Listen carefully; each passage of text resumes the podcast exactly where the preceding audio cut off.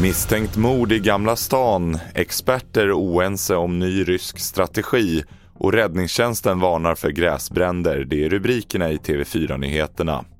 En man i 30-årsåldern som hittades i vattnet vid Munkbron i Gamla stan natten till idag har nu avlidit, det meddelar polisen på sin hemsida.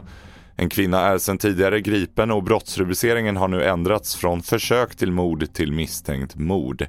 Hur mannen hamnade i vattnet är oklart och den gripna kvinnan och mannen ska enligt polisen ha någon form av relation till varandra. Mer om det här på tv4.se.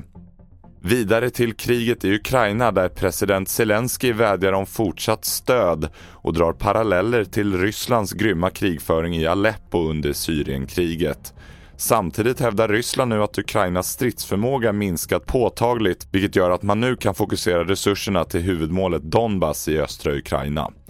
Utrikesreporter Johan Fredriksson menar snarare att det är den ryska offensiven som har misslyckats. Det är egentligen en bekräftelse på det vi redan vet. Den ryska markoffensiven har kört in i väggen uppe i norra Ukraina. De har inte intagit Charkiv eller Kiev. De har misslyckats med sina mål.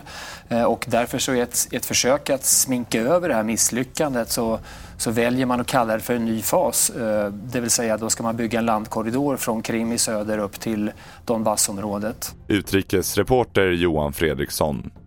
Slutligen till något helt annat för efter ett par veckor med soligt vårväder är risken för gräsbränder stor i hela Götaland och nästan hela Svealand.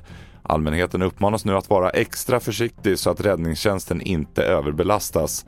Matilda Gustafsson, insatsledare på räddningstjänsten Storgöteborg, berättar vad man nu ska tänka på. Dels utifrån vinden, eh, så att man inte väljer en dag när det blåser mycket.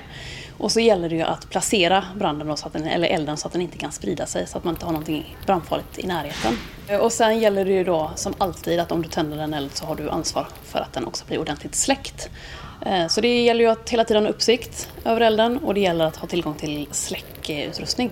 Fler nyheter hittar du på tv4.se. Jag heter William Grönlund.